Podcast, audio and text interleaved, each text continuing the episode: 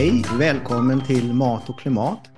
Idag är det djurrätt och hur djuren har det som är fokus för den här eh, intervjun. Och jag har med mig Camilla Bergvall som är ordförande för Djurens Rätt. Eh, välkommen Camilla. Ja, men tusen tack, kul att vara här. Mm. Eh, jag vill först säga innan jag fortsätter att om ni vill stödja den här kanalen helt gratis så är det bara att prenumerera på den på Youtube eller ge oss till exempel fem stjärnor på Spotify. För det blir en podcast av det här också. Okej, okay, då frågar jag dig på en gång. Varför engagerar du dig i djurens rätt just? Ja, jag eh, hittade djurens rätt på gymnasiet i samband med att jag blev vegetarian. Eh, jag har alltid varit en person som, eh, jag kan inte göra en sak lite grann utan jag måste göra, gå all in i någonting och eh, verkligen satsa. Så när jag skulle bli vegetarian så försökte jag hitta mer information och då, då var det ju ganska lätt att hitta djurens rätt och jag blev medlem och ganska snart började engagera mig också för att det fanns flera möjligheter att jobba ideellt för djuren. Eh, och sen har jag helt enkelt blivit kvar. Det var 2009 som jag eh, gick med. Så att, eh, sen har jag fastnat. För det beror framför allt på att ja, jag känner att, att organisationen gör skillnad och att det jag bidrar med gör skillnad. Och därför vill jag ju fortsätta såklart eftersom jag brinner för, för djurrättsfrågorna. Mm. Hur många medlemmar är ni? Ja, men ungefär 50 000. Så det är ganska många. Okej, okay. jag är en mm. av dem. Härligt. Ja. Du kan väl berätta lite mer om föreningen, för den har ju haft en, en, eh, en resa och den har förändrats lite under den resans gång. Kan du berätta lite om det?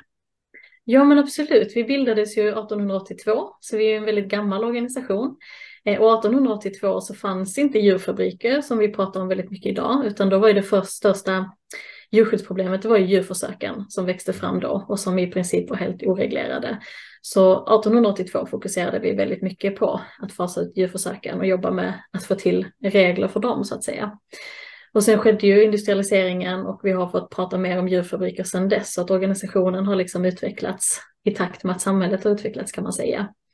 Och vi brukar säga att vi alltid fokuserar på de djur som är flest och har det sämst. Eh, och det handlar helt enkelt om att vi med våra resurser som vi får tack vare våra fantastiska medlemmar och gåvogivare att vi ska kunna göra så maximal skillnad för så många djur som bara möjligt. Eh, för det känns mest ansvarsfullt med de resurser vi har, att vi verkligen kan påverka så många individer som möjligt, eh, deras liv.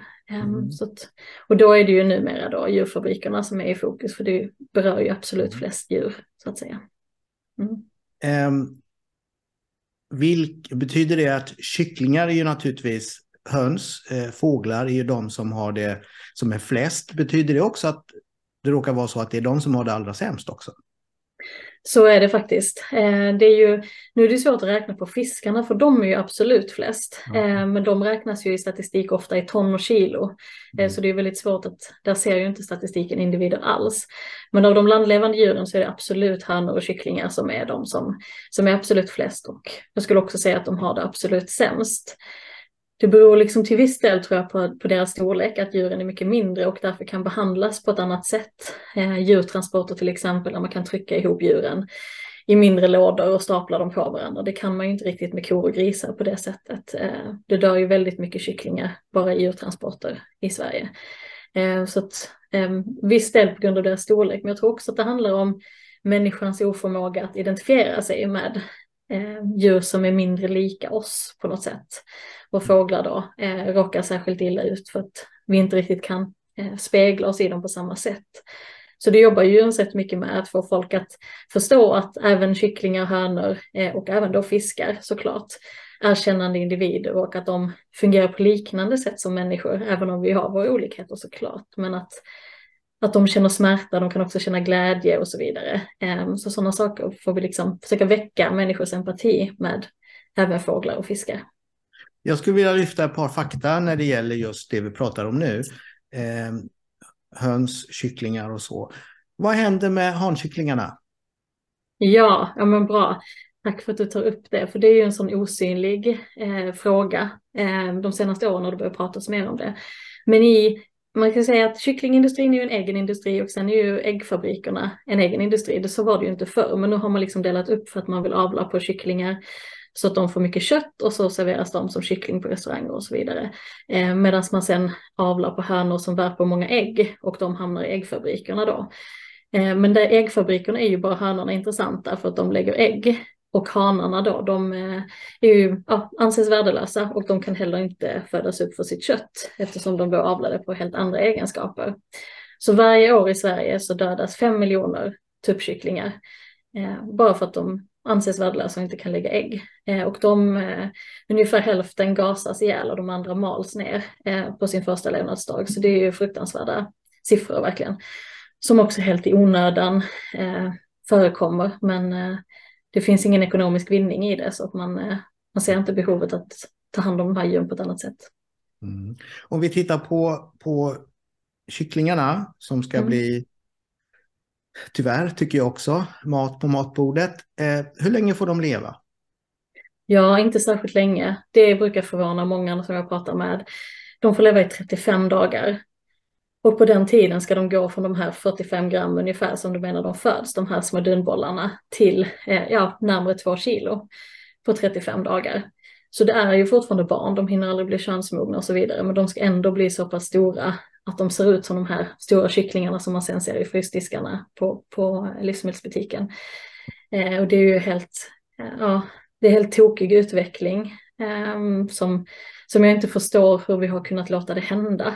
Eh, hur vi inte kan se att det här är eh, ett system som absolut inte är hållbart och som skapar otroligt mycket lidande. Eh, det är ju kycklingar som, som inte ens kan stå på sina egna ben och som har rörelsesvårigheter och så vidare för att de har blivit så pass tunga på kort tid. Mm.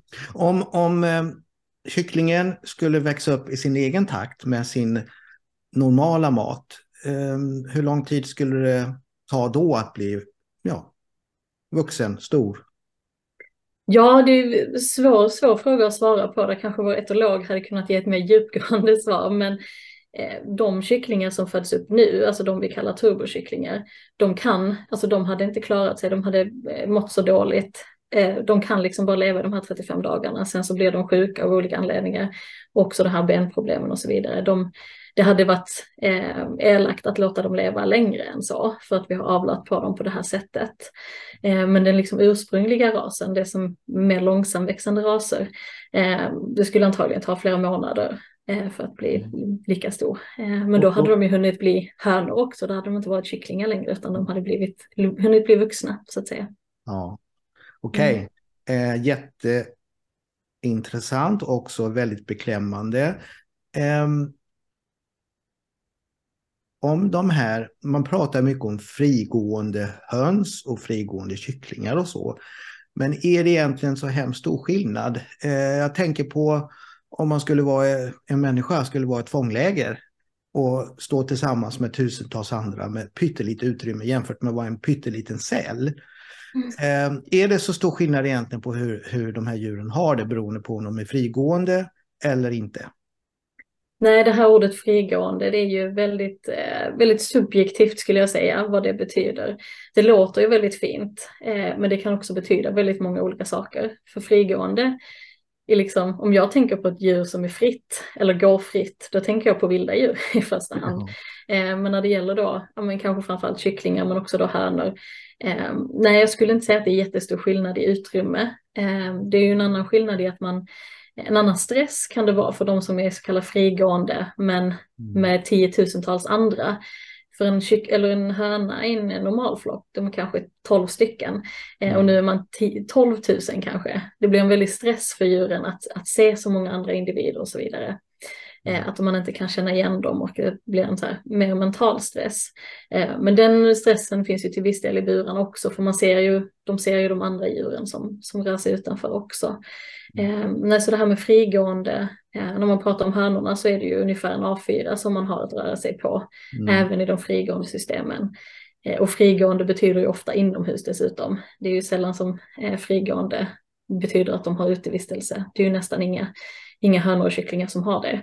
Um, vilket, vilket jag också tycker är lite missvisande. För säger man frigående då tänker man ju på någon som får åtminstone eh, liksom vara ute i, eh, i det, liksom, ja, se solen så att säga. Eh, men det får ju de flesta hönor och kycklingar aldrig göra. Så att, ja, det är mer PR-kupp än, än sanning, det där med frigående. Mm. Mm. Eh, om vi tittar på grisar, mm. hur länge får de leva och hur har de flesta grisar, det är ofta så om man lyssnar på LRF och andra, så, så tycker jag i alla fall, det låter som en beskrivning som inte stämmer med verkligheten. Ja, så är det ju verkligen. Eh, jag håller med om det man ser reklamfilmer och så vidare. Det stämmer ju sällan överens med de bilder som man sen får se är tagna inifrån fabrikerna. Eh, för grisar är det ju 99 procent får aldrig komma ut där heller. Eh, så de hålls också inomhus mestadels av, eller ja, i princip alltid. De får se sol. Till. Ja. 99 procent inomhus hela livet. Ja, det är först när de transporteras till slakteri som de kanske får en liten glimt av, av solen. Så att de allra flesta grisar får, får inte komma ut. Eh, och de hålls på betonggolv och då, det står ju att det ska finnas strö och så vidare. Men det är ju ofta eh, brist på det och i så fall är det i, i ett litet hörn och sådär att det är så lite strö som möjligt. Så, utan de går på betonggolv inomhus eh, och får bli ungefär sex månader. Eh, så det är också bara egentligen unga, väldigt unga djur som, som dödas för att bli mat. Och när man går till matbutiken för att köpa kyckling eller fläsk så är det väl i princip allt den typen av djur du pratar om nu. Mm, det är väldigt svårt att få, få tag på något annat, särskilt när det gäller kycklingar. Där finns det väldigt få alternativ till de här enorma djurfabrikerna. Ehm, så att eh, det, det, är väldigt svårt för konsumenter att göra medvetna val. Där är ju alltid det bästa valet att välja, välja vego såklart. Ehm, för att det går inte att göra eh, särskilt medvetna val i, i, i butikerna tyvärr. Mm. Om vi tittar på kor.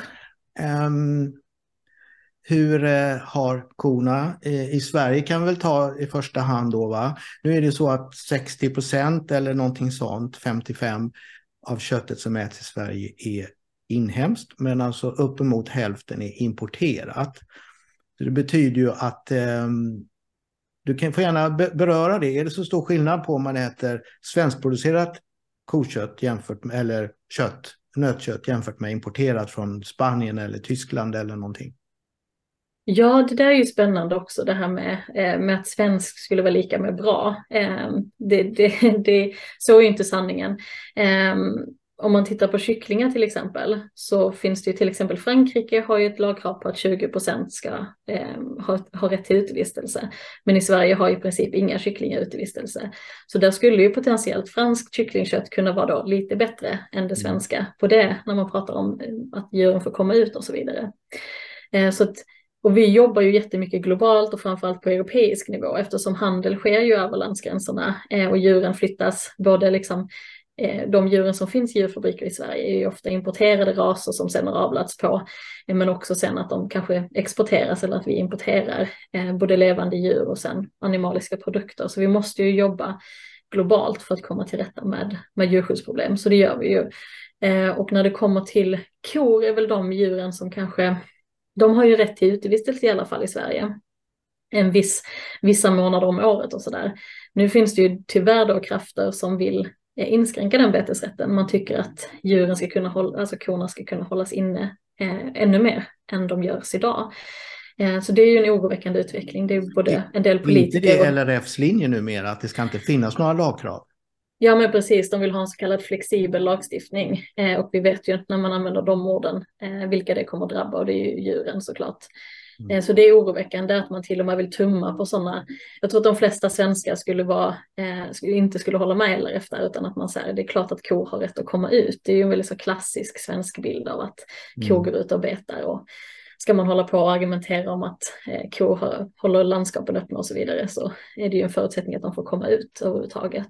Eh, så att det finns också problem då när det gäller, gäller korna och där ett av problemen för korna är ju också den här avlen som går igenom i alla djurfabriker, att man har avlat på djuren så att de producerar ofantligt mycket mer mjölk än de skulle göra naturligt.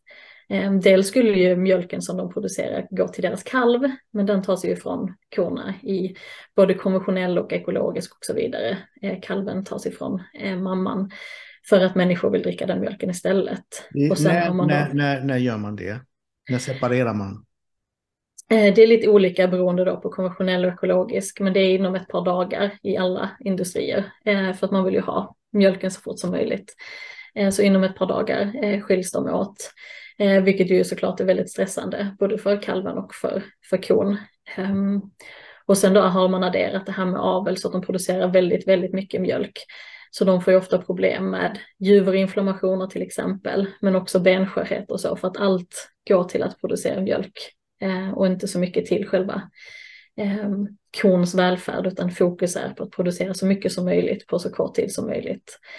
Eh, och där ser man ju också att korna slaktas ju efter när de är ungefär fem år gamla, eh, till skillnad från på, jag tror det var 70-talet, där de fick bli 15 år gamla. Så då har ju skett en väldig effektivisering. Så fort man såg att korna producerade mindre mjölk, då skickade man dem till slakt och eh, satte in en så kallad ny mjölkmaskin, en ny ko, som man egentligen ser som en maskin mer eller mindre på den platsen. Eh, så det är en väldigt barbarisk industri på många sätt. Eh, skulle Hur länge skulle en ko leva eh, om den fick leva tills livet tar slut?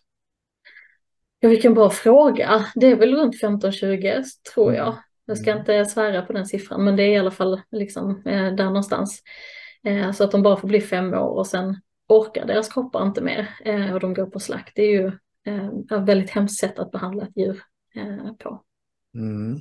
Hur länge är de ute? För det tror jag är en viktig fråga också. Hur länge är korna ute på bete under året? Kan man, ja, nu, det måste ju vara ja. högst halva året i alla fall va? Ja, det är ju liksom under de varmare månaderna. Sen så finns det liksom, jag kan inte de här reglerna innan utan, för att det finns liksom lite så här eh, förhållningsregler beroende på, jag tror det var var i landet man befinner sig, eh, men också eh, vilken typ av ko och så vidare. Och vissa tror jag också kan ha lite dispens på grund av omständigheter och så. Men, men sommarmånaderna är ju det som är det klassiska. Nu i maj är det ju också aktuellt med kosläppen, det är ju då de, de släpps ut. Eh, och det arrangeras de här jipporna på olika eh, mjölkfabriker. Eh, så det är ju nu, de, nu någonstans här när det blir lite varmare som de flesta får komma ut. Eh, men det ska man komma ihåg att det gäller bara korna. Eh, tjurar och kalvar har inte samma rätt att komma ut. Eh, så det är bara korna som har den betesrätten. Så vi vill ju att man ska utöka betesrätten såklart till om det dels till alla, alltså även tjurar och kalvarna, men också till då grisar och kycklingar såklart. Mm. Mm. Kan du säga något om hur länge grisarna lever? Det glömde jag fråga. Ja, ungefär ett halvår.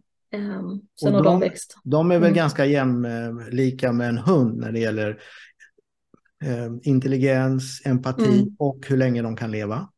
Ja, men ungefär, ja det kan man säga, väldigt lika. 15 mm. mm. år eller så. Och så krymper man ner det till ungefär 3 procent av det. Mm. Men så hinner de ändå växa så ofantligt mycket på väldigt kort tid. Så det, mm. Vi har skapat någon slags maskiner eh, som, som man glömmer bort också är kännande varelser. Precis, jätteintressant. Eh, vad är det mer för frågor ni driver? Förut nu har vi varit inne på djur, eh, det som kallas för djurjordbruk, men som mm. är då egentligen djurfabriker. Men mm. andra frågor som ni driver? Mm. Ja men de andra två stora det är ju djurförsöken fortfarande såklart. Det var ju vår första fråga och den är ju fortfarande aktuell. Så där jobbar vi ju för att vi ska fasa ut djurförsöken både i Sverige och i, på Europanivå. Eh, och det är väl en av de frågorna som vi är ganska överens med våra, våra politiker om. Så det är ju lovande att man säger att man vill fasa ut djurförsöken. Både svenska regeringen har sagt det men också på Europanivå har man sagt att jo men vi ska fasa ut djurförsöken så snart det bara är möjligt. Och sen är det den där lilla klausulen, så snart det är möjligt och hur mycket vilja man kommer lägga in i det. Så nu jobbar vi mycket med att se till att det finns finansiering så att det tas fram bra alternativ till djurförsök. Det tar ju sin lilla tid med, med forskning att komma fram till eh, liksom bra tester och så som inte använder djur.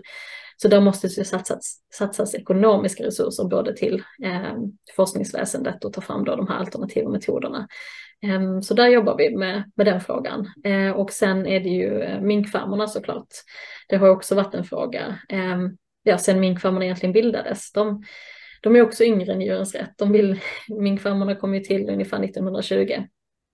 Och nu är de ju tack och lov inte alls många kvar i Sverige det är väl under 15 nu, så senaste siffran är så, 15 farmar kvar i Sverige.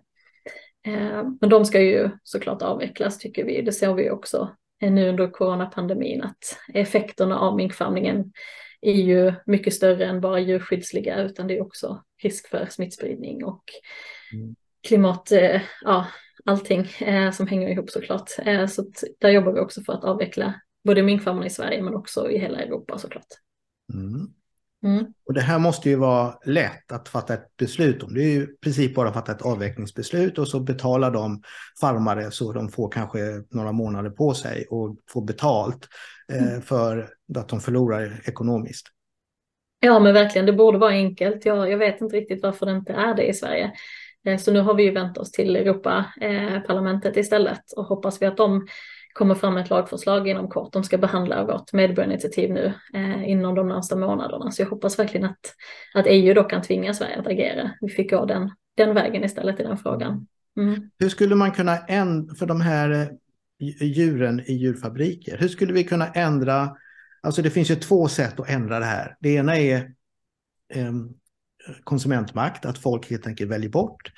Men man kan ju då med lagstiftning eh, puffa på den här utvecklingen så att allt fler i allt snabbare takt väljer att dra ner på sin köttkonsumtion, ostkonsumtion och så vidare. Mm. Ja men verkligen, jag tänker att de hänger ihop för att om vi ska få människor att välja välja djurvänligt, välja vego, så måste det ju vara enklare. Det måste vara billigare och det måste vara lättillgängligt för så många som möjligt. Det ska ju vara det enklaste valet man kan göra. Ehm, och då måste vi också ha lagstiftning, vi måste ha Eh, företagen med på tåget och politiken. Eh, så vi jobbar ju med alla de delarna eh, på olika sätt.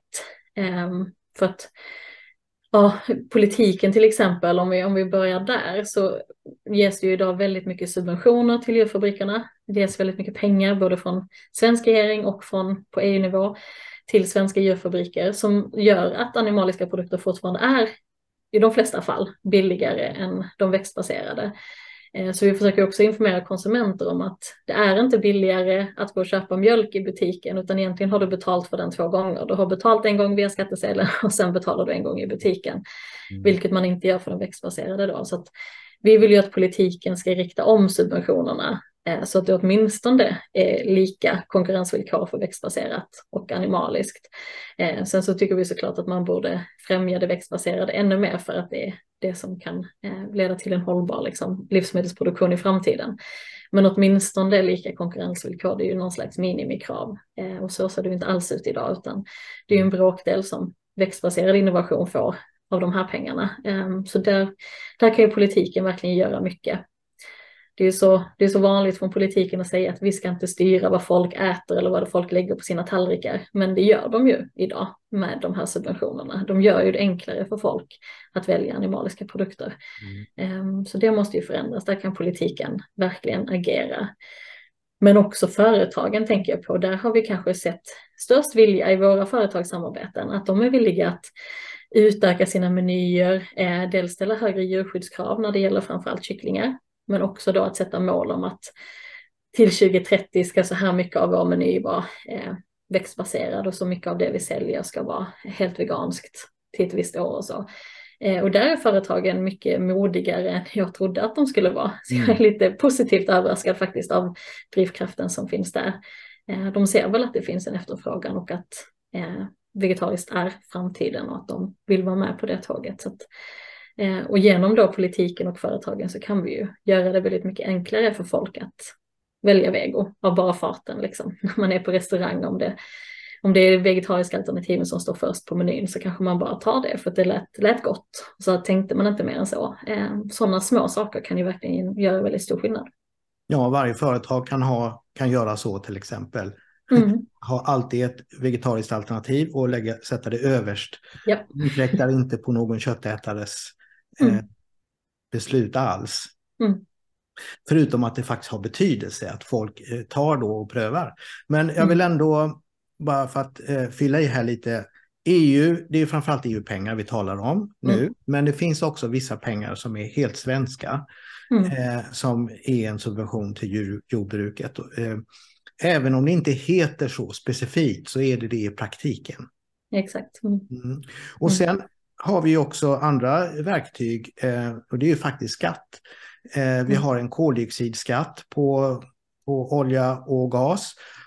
Och, och vi skulle alltså i princip kunna ha en motsvarande klimatskatt på, på utsläppen från eh, kor framför allt, men också mm. nötdjur. Därför att speciellt idisslarna släpper ut mycket metan och det blir också mycket lustgas och annat. Så att jag tror Naturskyddsföreningen har räknat på det och det finns också en ganska ny studie som visar att det handlar om ungefär 20 kronor per kilo nötkött mm. som skulle kunna kompensera för den här klimatskadan som man faktiskt gör när man köper det. Mm. Ja, det finns många verktyg som, som man, man, skulle kunna dra i om man var politiker och hade, ja. hade viljan att vilja förändra någonting. Ja. Verkligen. Mm. Eh, och det har lagt sådana förslag också i, mm. i, i, politiken. Eh, och när det gäller företag så tyckte jag du sa en intressant sak. För att vi, man ser olika giganter i det här området. Om vi tar till exempel Scan eh, å ena sidan och Arla å andra sidan. Mm. Scan, det första man ser när man går in på Scans hemsida det är titta här våra vegetariska produkter eller veganska mm. produkter. Mm. Och de ser att här ska de vara först. Och eh, så jag skulle vilja säga till de som tvekar att köpa produkter bara för att det är Scan. Köp deras veganska produkter, då visar ni till dem att det här är populärt, det här kommer att växa och då avvecklar de snabbare kanske mm. försäljningen av, eh, av grisar. Ja men verkligen, jag tror också det. Jag tycker det är så himla häftigt att se att ja, men att företag som Scan och Perssons pålägg och allt vad det nu är, liksom klassiska sådär köttföretag nu ser att så, nej, men vi måste nog göra något annat.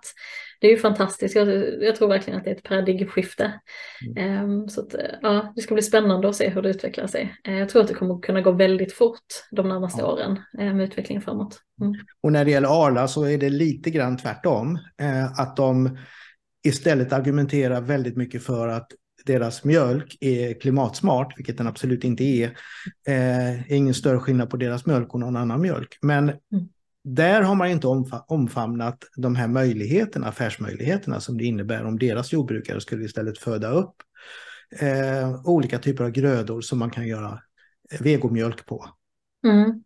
Nej, det, det, är nog lite annorlunda i den industrin. Men jag såg nu, nu att de ska göra ett eh, veganskt eh, liksom, eh, bordsmargarin mm. eh, som var väldigt tydligt, tydligt märkt och, och så. så att, de är nog kanske där och nosar, men de kanske kommer lite efter de andra då. De vågar först när någon annan har gått före. Eh, men eh, ja, det ska bli spännande att se vad som händer.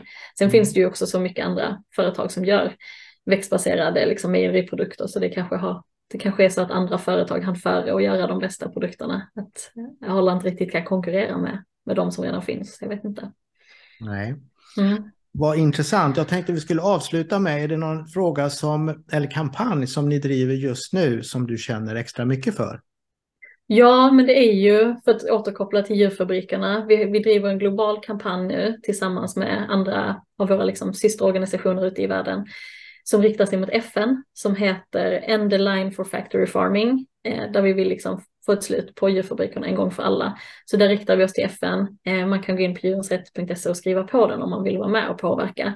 Eh, så när vi gör det då tillsammans med alltså djurrättsorganisationer globalt så tror jag att det kan få väldigt stor inverkan på, eh, på liksom djurfabrikerna över hela, över hela världen. För det är så vi måste tänka, att vi kan inte bara eh, ja, vid landsgränserna eh, stoppar inte djurförtrycket utan vi måste jobba globalt för att få ett slut på djurfabrikerna. Eh, och där tror jag finns eh, stor potential framöver. Så det är en eh, fråga som jag kommer jobba med väldigt mycket eh, de kommande åren och som Djurens Rätt kommer att fokusera extra på också. Så vill man vara med och påverka där så kan man skriva under kampanjen. Djurensratt.se Exakt, exakt. Och vi har mm. dessutom en helt ny hemsida så den kan man också gå och spana in om man inte har varit inne på ett tag. Så är den ny och fräsch och härlig. Mm, toppen. Ja. Eh, Camilla, jag tycker vi har täckt in eh, några jätteviktiga områden och jag har blivit själv kunnigare av det här samtalet. Vad kul! Ja, det är jättekul att få vara med i den här fina serien eh, med bra samtal. Jag har mm. lyssnat på flera av dem, de andra också. Det rekommenderar jag mm. er som lyssnar nu också att göra. Tack för det Camilla och eh, tack för att du var med och vem vet om några månader kanske vi vinklar, eh, tar upp en annan fråga och tittar lite närmare på den. Tack så mycket. Eh, och du som har varit med, tack så hemskt mycket till dig och ehm, eh, gå gärna in på vår webbsida www.matochklimat.nu. Där har du både våra artiklar läggs upp varje vecka, flera stycken, och podcast och våra YouTube-videos. Tack för att du var med.